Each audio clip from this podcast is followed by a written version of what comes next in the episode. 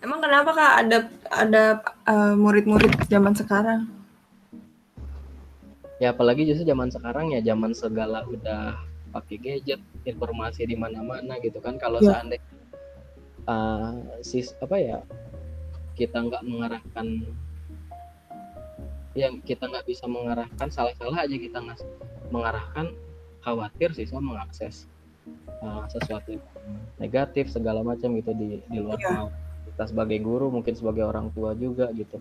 Tapi kalau misalnya sudah dibekali dengan oh ini tuh perbuatan buruk oh ini tuh perbuatan baik dan siswa itu tahu gitu dan harus seperti apa nah, cara cara menyikapi sesuatu hal gitu itu itu rasanya akan lebih mudah gitu mengarahkan siswa ketimbang uh, yang karakternya sudah terbentuk udah hampir matang terus kita harus arahkan gitu kan itu akan lebih sulit gitu. Tapi kan kalau dari kecil dari mulai SD misalkan karakter tuh benar-benar di kadang kita melihat kan kadang kalau misalnya lihat di sosial media ada siswa yang merokok siswa SD Enggak. misalnya gitu ya kan aku pernah lihat kayak video-video viral gitu. Siswa SD pada ngerokok pada apa gitu. Itu kan ada yang salah dalam pendidikan karakternya sebenarnya soal kayak gitu.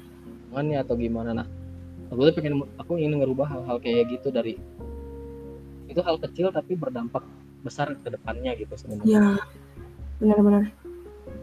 Intinya dari sikap dulu sih dari adab dulu dari sikap dulu. Bener setuju setuju setuju banget. Gak emang ada. semuanya ini ya kalau ya udah kalau misalkan ada anak ilmunya bagus pinter cerdas tapi adabnya nggak ada juga percuma nggak dihilang respect juga orang-orang akhirnya. Betul. jadi memang semuanya harus kalau aku pikir sih semua harus dari situ dulu gitu. Karena hmm. kalau udah sikapnya bagus adabnya bagus karakternya bagus pasti ke sananya bakal bagus gitu. Siswanya jujur siswanya berakhlak siswanya. Disiplin ya dan pasti ke sananya bakal bagus gitu. Ya benar-benar oke lanjut ya kan nih. Jadi waktu itu aku kan ikut um, kayak webinar gitu kan tentang pembahasan PBDB mm -hmm. gimana, gimana? Nah terus uh, aku kurang ngerti sih maksudnya jadi ada dua narasumber. Jadi mungkin salah satunya aktivis pendidikan atau gimana gitu kan. Uh, terus beliau tuh memaparkan katanya gini lulusan SMK itu tuh uh, apa angka pengangguran tuh kebanyakan dari lulusan SMK menurut Kak dan sendiri gimana? Apa sih yang salah gitu sampai ada orang yang bisa ngomong kayak gitu? Hmm, yang salah ya. Yang salah itu sebenarnya mungkin bisa dilihat dari motivasi siswanya juga gitu. Hmm oke okay, oke. okay siswanya juga. Kadang kalau sebenarnya bukan karena justru kalau dilihat dari kesiapan ya anak SMK itu justru sangat siap sekali untuk kerja di industri di perusahaan mm-hmm. atau mungkin di tempat lain. Jadi ada istilah SMK W bekerja melanjutkan atau wirausaha BMW gitu. Ada istilah oh. sebenarnya sih siswa SMK itu sangat siap sekali gitu untuk untuk hal tersebut. Karena kan di dalam kurikulumnya juga bahkan sudah ada uh, kita selama tiga bulan itu PKL ya praktek mm -hmm. itu kan menyiapkan siswa supaya tahu oh di industri itu seperti ini gitu. Oh kerja itu seperti ini. Terus secara teori gitu siswa itu lebih siswa SMK itu lebih banyak dibekali hal-hal praktik gitu dibandingkan teorinya gitu. Jadi merasa itu lebih ke motivasi siswanya sih mungkin ke bukan jadi nggak nggak nggak melulu siswa SMK itu justru seperti yang tadi dibilang gitu kalau mungkin hmm. bicara angka mungkin seperti itu gitu tapi pada kenyataannya uh, aku sih guru SMK gitu ya bisa lebih bisa menjamin gitu kalau emang siswa SMK itu jauh lebih bisa bersaing gitu sebenarnya.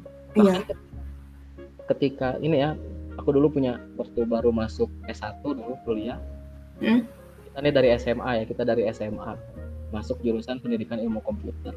Yang secara basic dalam tanda petik si komputer itu nggak tahu gitu nggak tahu yang itu belajar seperti apa gitu. Yang aku tahu tuh aku belajar komputer itu belajar Microsoft Word belajar Corel belajar belajar belajarnya yang kayak gitu gitu. Insya Allah yeah. bisa oh, mungkin kuliah juga seperti itu. Aku nyangkanya kayak gitu. Tapi ketika masuk kuliah saya belajar ngoding oh gini bikin program oh gini gini gini. Dan itu tuh bener-bener ke apa ya harus punya tenaga lebih gitu untuk ngejar Iya. itu.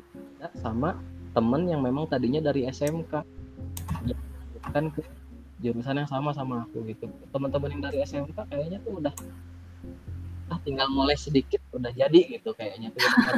Gitu. ya, itu emang apa perbedaan yang mencolok yang aku rasain waktu aku uh, baru masuk kuliah waktu itu banyak banget teman yang dari SMK ya akhirnya ya mereka gitu yang dijagokan ketika kita ada tugas atau apa ya kita ngobrolnya sama mereka gitu yang dari SMK itu Hmm. Gitu. Karena emang lebih ngerti ya. mereka lebih ngerti dan mereka udah belajar duluan apa yang diajarkan di kuliahan itu ya Oh. jauh-jauh beda dengan apa yang diajarkan di sekolah Ilmunya lebih banyak lah. ah gitu Hmm, menarik. Oh iya, terus kak, eh, kan aku suka banget nih sama pendidikan. Terus sering kalau misalkan iseng-iseng tuh suka baca di Quora entah atau nyari di Google nyari sendiri gitu tentang SMK di luar sana atau SMA ya entahlah pokoknya sekolah gitu. Cuman pernah nih waktu dapat tugas kuliah, aku lupa ngebahas apa, tapi akhirnya aku searching kan, emang di luar negeri ada program yang kayak gimana sih kayak gitu kan. Nah ternyata di Jerman tuh ada namanya FED. eh, sebentar aku lupa namanya apa. Ah, ah, pernah denger gak? FED oh nih, FED itu FED Vocational Education and Training program apa sistem program gitu. Nah, Hmm. jadi tuh dia SMK sebutannya mah kalau udah ada vokasi-vokasinya kemungkinan SMK kan ya, kejuruannya ah, kejuruan gitu. Jadi tuh kalau di Jerman ada program ini, si anak itu bisa milih ada yang full time SMK, tapi ada juga yang dual. Nah, yang dual ini, jadi dalam seminggu nih, apa entah lima hari kerja gitu, dia tuh tuker-tukeran gitu loh, kayak sehari belajar teori, nanti sehari belajar di tempat kerja, kayak gitu. Jadi nggak kayak part time lah bahasanya. Kalau kita kan PKL, ya udah satu semester itu PKL gitu kan. oh kalau di Fed itu jadi tuker-tukeran gitu ya Iya, ada misalkan tiga hari, misalkan lima hari deh ambil gitu ya. Tiga hari eh, belajar di kantornya, dua hari belajar dari teori di sekolah, kayak gitu. tapi tapi belajar gitu ya judulnya belajar Iya. bukan Belajar, judulnya bukan kerja. ya itu bagus sih kalau misalnya diterapin di Indonesia juga itu masih make sense gitu ya karena Mm. jadi langsung gitu ketika misalnya kita udah belajar teorinya kita langsung belajar prakteknya Mm, Jadi mungkin biar lebih nempel kali ya ilmunya. langsung dari praktisi-praktisi yang Iya. memang sudah ahli gitu itu bagus sih cuman memang kalau di, di Indonesia itu kenapa PKL itu biasanya ditaruh di semester apa di kelas 2 semester Mm. akhir kelas 3 gitu ya di semester awal itu karena uh, biasanya kalau ditaruh di awal-awal itu khawatirnya nanti tidak uh, bisa mengejar kebutuhan industri jadinya gitu karena kan Oh. materi belum, belum disampaikan semua gitu kan Iya, beda sama, iya. beda sama yang udah kelas 2 akhir gitu atau kelas 3 awal Ah, Uh, materi-materi fundamental atau teori dan praktiknya gitu ya udah udah disampaikan gitu nanti si siswa Iya. tinggal berimprove gitu ketika mereka kerja di perusahaan atau di mana pun Oh. Iya sih benar-benar. Nah, Jadi- terus kalau misalkan yang program dual itu kak, dia tapi jadinya sekolahnya dua tahun atau tiga setengah tahun gitu.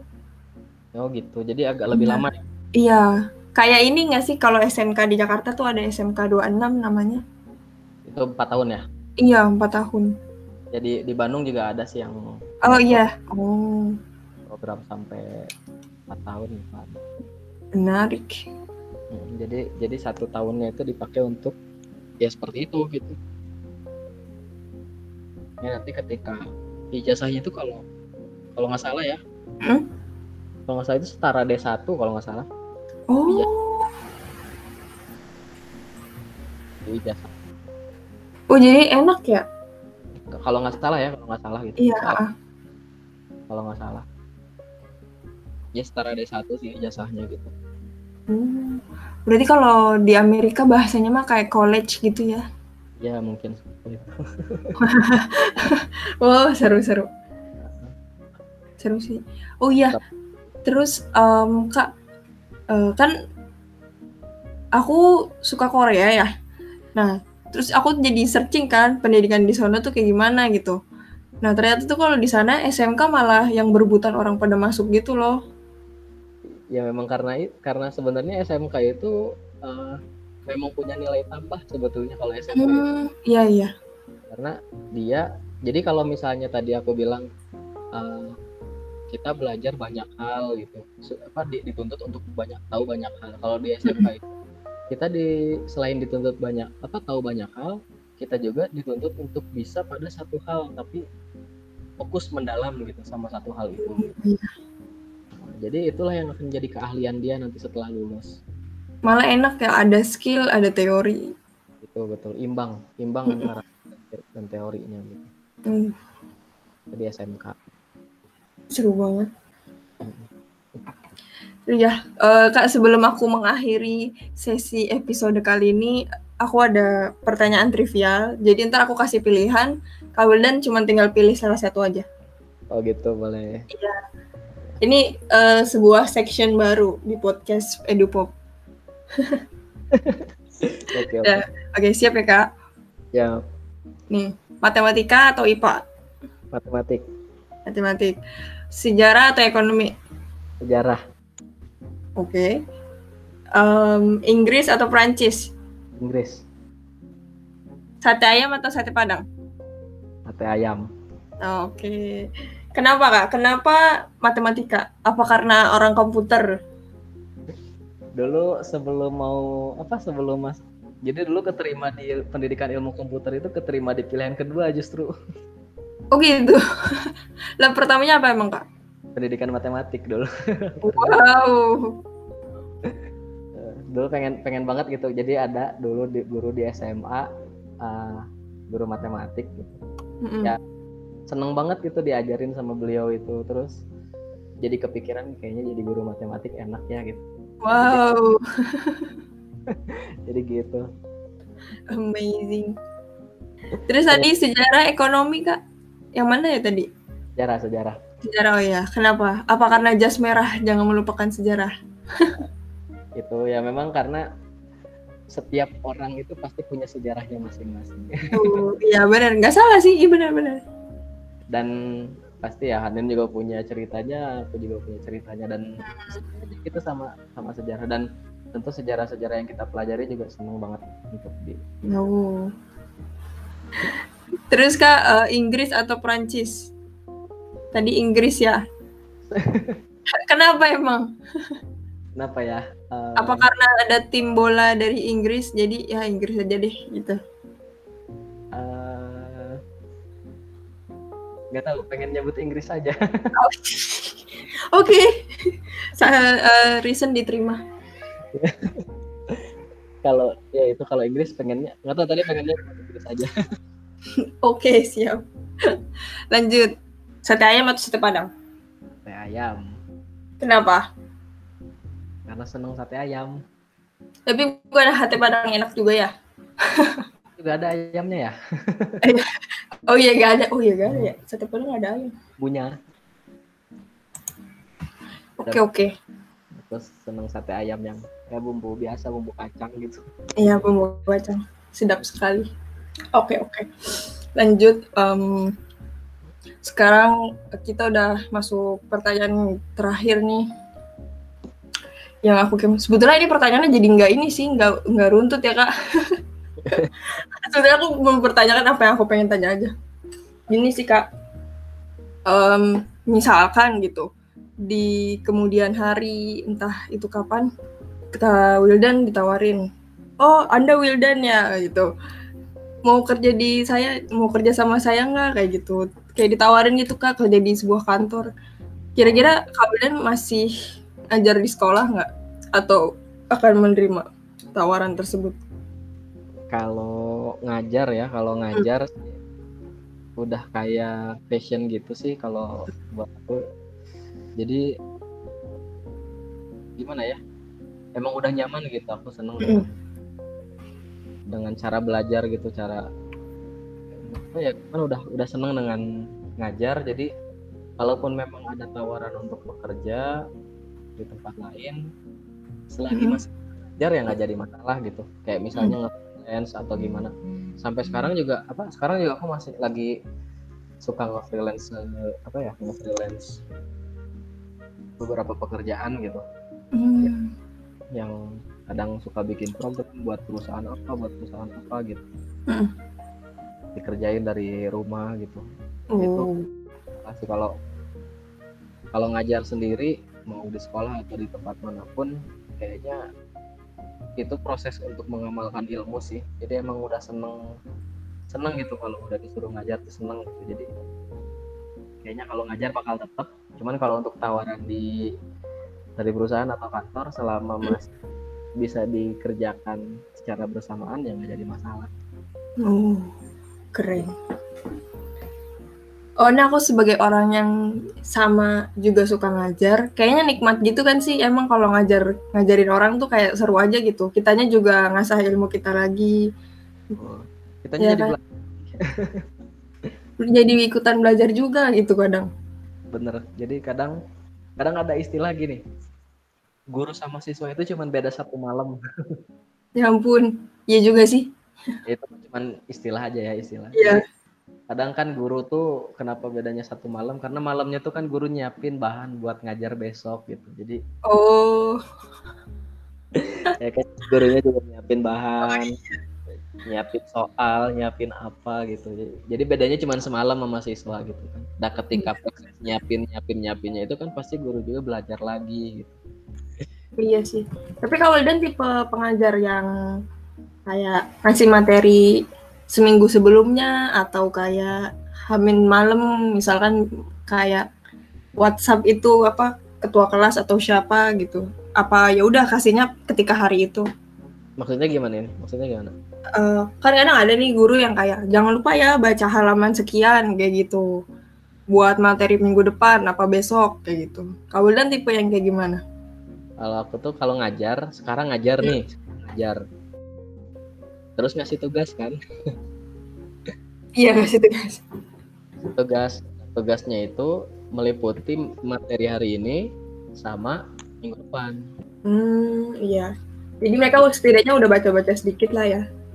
Jadi nggak yang buat materi minggu depan itu bukan berarti dikasih blog yang materi iya memang apa udah ya udah beberapa kali nyoba gitu. Emang lebih enak seperti itu. Jadi si siswa itu dipaksa untuk belajar terlebih dahulu baru kita ngajar terus mau tektokan juga enak ya kak? Jadi nanti siswanya tuh muncul banyak pertanyaan gitu pak saya nggak hmm. saya error gini gini ini kenapa ya pak? Gitu. Uh. kan? Jadi lebih interaktif gitu di kelas itu iya kan? benar. Setuju. Setuju banget. Kadang kita yang masuk kelas tuh apa sih kalau siswanya aktif juga membangun moodnya kita ngajar gitu karena oh enak nih gitu kan. Karena dia, dia penasaran banget sama ini itu kayak kan, gitu. Kita belajarnya berbasis masalah gitu ya. Jadi kan siswa masalah apa aja nih di, di tugas kemarin kita bahas gitu. Dan ada mungkin di siswa satu ngalamin masalah ini, siswa lain ngalamin masalah yang beda ketika kita saling dengar satu sama lain kan. Oh jadi kalau ada masalah kayak gini tuh gini solusinya. Kalau ada masalah ya sama-sama belajar solusinya akhirnya kan saling berbagi juga antar siswa kalau lebih sering kayak gitu ya, seru banget sih emang.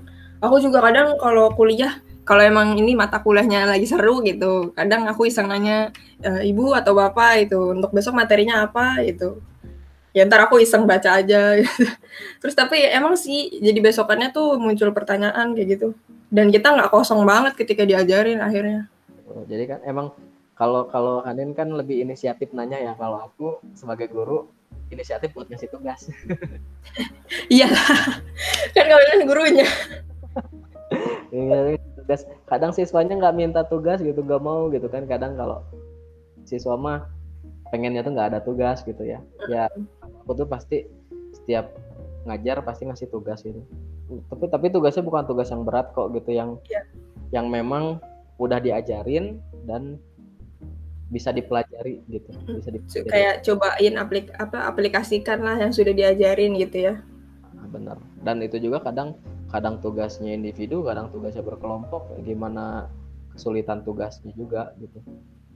Dan kan nggak semua siswa punya device kan balik lagi gitu kan iya benar. gak semua siswa punya komputer. Akhirnya kan supaya siswa itu bisa mengerjakannya dengan alat yang bisa dia pakai gitu. Misalnya di sekolah atau mungkin ngerjain tugasnya dengan temennya atau diukur ke situ juga ukuran tugasnya gitu. Benar-benar setuju setuju. Terus kak uh, kak Wildan nih kan pasti sering denger lah orang-orang masih suka meremehkan role atau peran seorang guru. Kak Wildan ada pesan nggak buat orang-orang tersebut? Karena nyatanya kan menjadi guru itu tidak mudah. Ya emang jadi jadi guru itu nggak mudah gitu ya. Ya pesannya ya ya kita bisa saling menghormati dan menghargai satu sama lain aja gitu. Pasti uh, setiap pekerjaan pekerjaan apa pun itu pasti ada pasti ada konsekuensinya gitu ya. Mungkin sekarang aku jadi guru orang lain jadi apa ada yang jadi direktur ada yang jadi apa gitu. Hmm. belum. Yang punya nama-nama besar itu juga bisa jadi guru gitu kan. Jadi iya. Ya kita saling menghargai satu sama lain juga karena kan uh, sudah ada porsinya masing-masing. Oh, keren. Oke, alhamdulillah tadi udah masuk dari sesi terakhir bersama Kak Wildan. Terima kasih Kak Wildan sudah hadir di EduPop. Oh iya, aku lupa kenalin Kak Wildan kan ini termasuk apa Kak Wildan di beasiswa beasiswa sepuluh ribu Kak Wildan ini apa? Sama kayak Hanin. Ya Kak Wildan itu konten guys seperti aku. Jadi aku dan Kak Wildan kita bekerja sama di konten. Tapi Kak Wildan lebih fokus ke ini ya kayak ya? Website? Ya website ya, ya website. Karena Kak Wildan codingnya sudah jago. Eh, ya, ya kalau bisa lah. Ya kebetulan bisa gitu. Merendah guys Oke, jadi kalau yang dari pembicaraan kita nih Kak Wildan yang menurut aku seru banget, apalagi aku termasuk uh, education enthusiast banget. Kita tuh um, emang kalau SMK masih banyak nggak SMK aja sih sebetulnya ya pendidikan secara keseluruhan kita tuh masih banyak keresahan untuk dipecahkan melalui solusi-solusi inovatif. Jadi mungkin anak muda yang mendengarkan ini boleh banget kalian punya cita-cita untuk memperbaiki entah apa pun itu yang di Indonesia. Misalkan yang menurut kalian masih belum uh, apa ya ideal mungkin bahasanya. Tapi kan ideal menurut orang-orang itu eh ideal itu menurut masing-masing orang berbeda. Ya jadi ya cita-citanya membuat Indonesia lebih baik aja gitu kali ya Kak Wildan ya? Betul betul betul karena uh, aku yakin sih setiap orang setiap warga negara di Indonesia itu pasti bakal punya perannya masing-masing untuk memperbaiki negara tercinta kita ini oke kalau gitu terima kasih semuanya untuk yang udah mendengarkan podcast ini sampai akhir. Jangan lupa untuk kalau di Google Podcast kalian bisa ngasih rating dan komentar. Kalau tempat streaming lain, tempat streaming lain aku kurang tahu sih, tapi setahu aku Google Podcast bisa ngasih rating dan komentar. Jadi jangan lupa untuk oh jangan lupa untuk follow Instagram beasiswa sepuluh ribu bukan satu juta bukan seribu pokoknya sepuluh ribu Kalau kata Chris begitu kemarin di episode sebelum-sebelumnya. Oke, okay.